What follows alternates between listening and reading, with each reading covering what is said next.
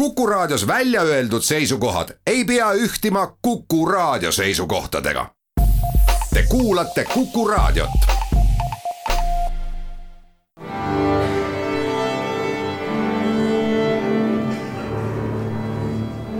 daamid ja härrad, Eesti Kontserdi saade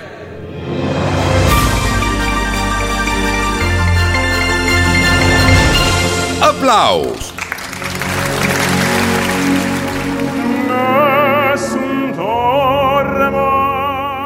tere kõigile, aplaus on eetris, mina olen Lauri Aav. kontserdielu on pausil juba mõnda aega ja esialgsed märgid näitavad, et paus venib vist pisut pikemaks kui esialgu arvatud, kuid siingi paistab tunneli lõpus valgus ja iga asi saab ükskord otsa.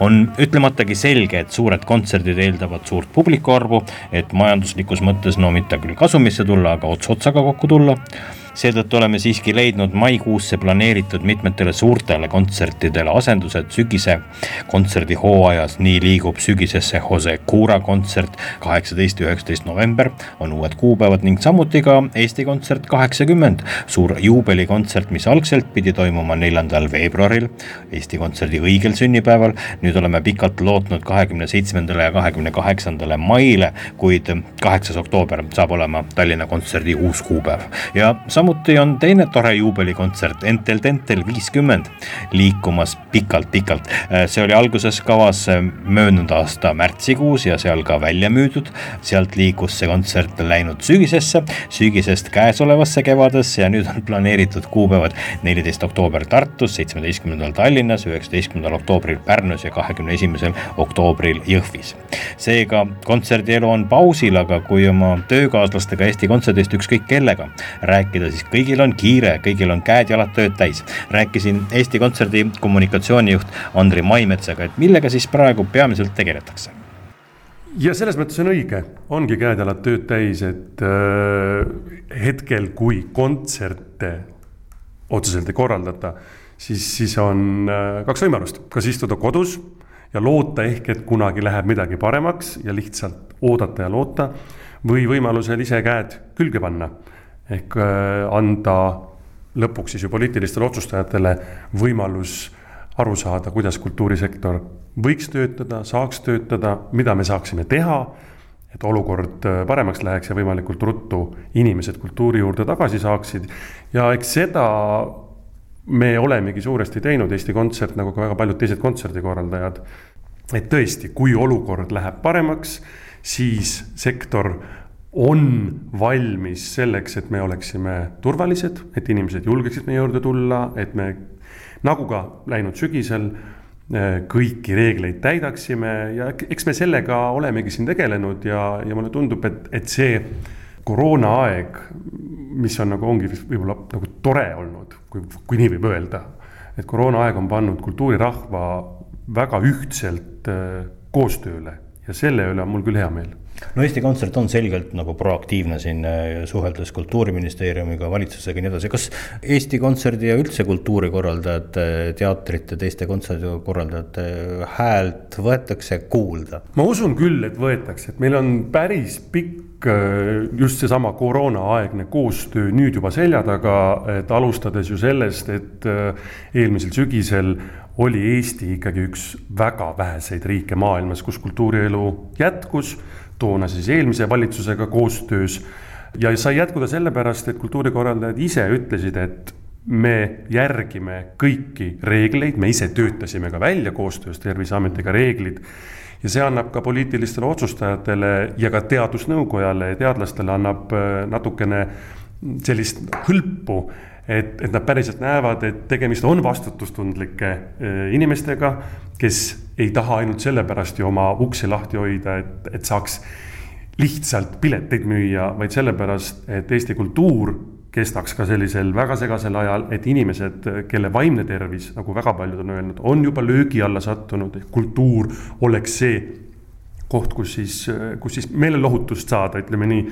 Ja järgmisel sammuna oli väga oluline see, et, et olukorras, kus me kõik seisame kinni, et me suudaksime majanduslikult olla jätkusuutlikud, et me tõepoolest saaksime ka otsustajatele selgeks teha, kui paljud töökohad on ohus ja, ja mida üleüldse tähendab kultuurisektori eh, nii-öelda siis taaskäivitamine, millised oleksid need kõikvõimalikud meetmed? Ja, ja ka siin tegelikult oli meil, ma arvan, väga hea koostöö ja meid, nagu sa küsisid, kas võeti kuulda, võeti küll, sest äh, lisaeelarves kultuurile ikkagi väga olulise toe tulemine, mis siis nüüd peab äh, Eh, muunduma meetmeteks ja abipakettideks, see siiski oli nagu väga oluline, oluline samm, see näitas seda, et eh, meid on kuulda võetud ja, ja ma arvan, et see koostöö jätkub praegu siiamaani.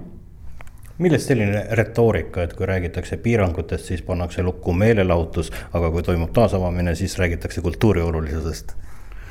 seda on raske öelda üleüldse see, et, et kultuur siin väga paljudes äh, peades üleüldse läks meelelahutusega kokku, et eks igaüks tõlgendab erinevalt, eks ju, et milleks me kultuuri tarbime, aga noh, ma ma arvan, et meil ei ole nii palju aega, et niimoodi süvafilosoofiliselt arutleda, et mis on kultuuri olulisuses, olulisus ühele väikerahvale ja mis on siis meelelahutus et äh, ma arvan, et meie asi ongi teha selgeks seda, miks kultuuri on vaja ja et me oleme üks kultuurrahvas ja meil ongi vaja väga erinevaid nii-öelda kultuurimooduseid, et. aga kõige selle taustal, mis saab aprilli lõpus, mis saab maikuus, mis saab suvel?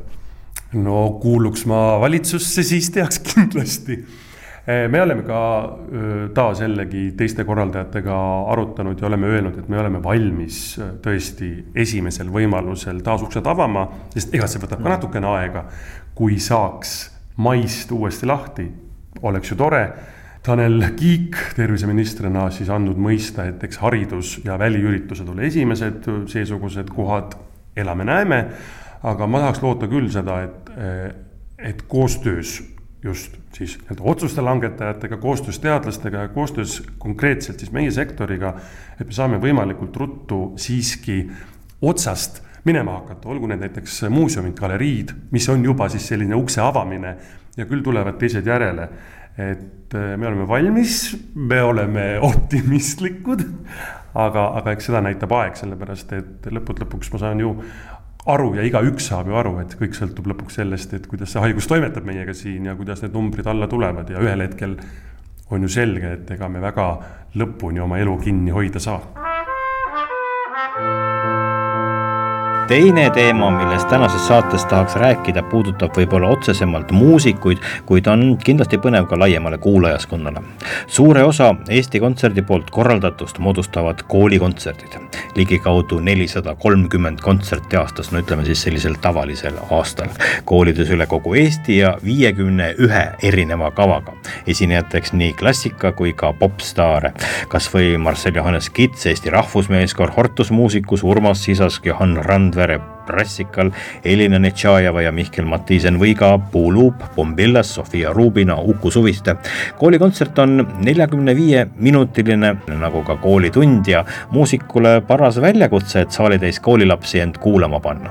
sain kokku Hanna-Liina Võsaga ja küsisin, mis on need nipid, kuidas lapsed end kuulama panna no tavaliselt väiksemad lapsed saab palju kergemini kätte, nad saab kohe ühe küsimuse küsid nendelt, et kas te teate, ma ei tea, kurjuse laulu, siis nad kohe vastavad, on ju et nad, nad on hästi vahetud äh,. nii-öelda kaheksanda, üheksanda klassiga ei ole nii kerged, nemad noh, näitavad välja et näitavad vähem välja oma sellest kehakeelest ja oma, eriti oma nii-öelda verbaalselt Äh, nüüd viimati, kui me esinesime loo keskkoolis, muidugi oli väga huvitav, sest et kogu koolipere oli aulas maskidega mis oli väga huvitav äh, kogemus, et sa vaatad, et seal on umbes sada inimest, sada noort inimest, kaastöö õpetajad ja kõikidel valged maskid ees.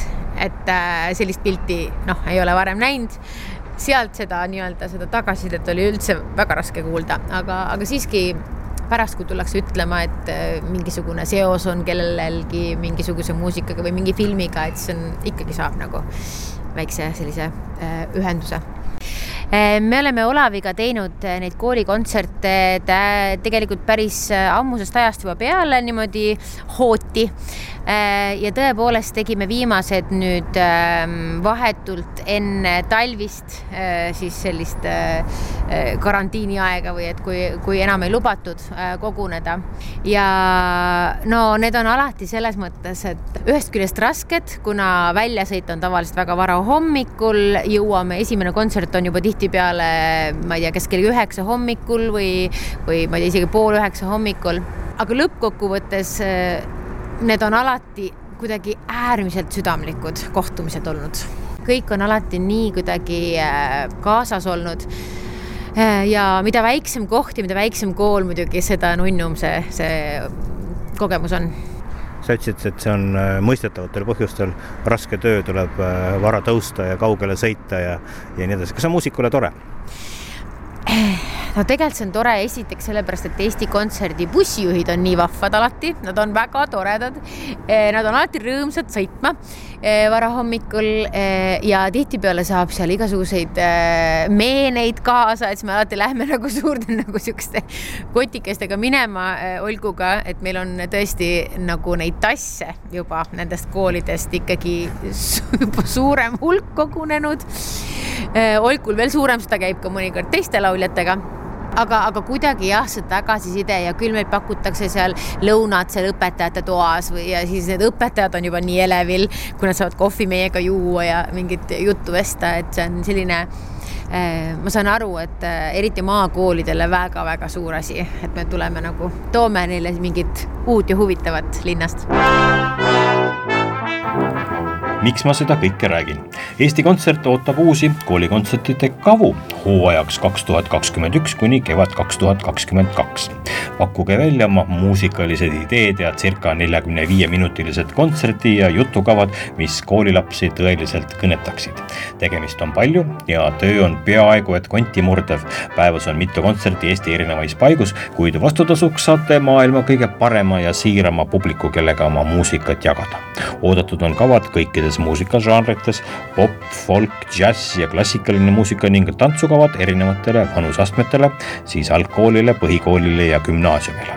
ja saatke oma ettepanekud kuni kümnenda maini ja kontaktid selle jaoks leiate loomulikult Eesti Kontserdi kodulehelt eestikontsert.ee meie kohtume kahe nädala pärast ja vaatame, kas päris kontserdid ka juba kuskilt paistavad. kõike paremat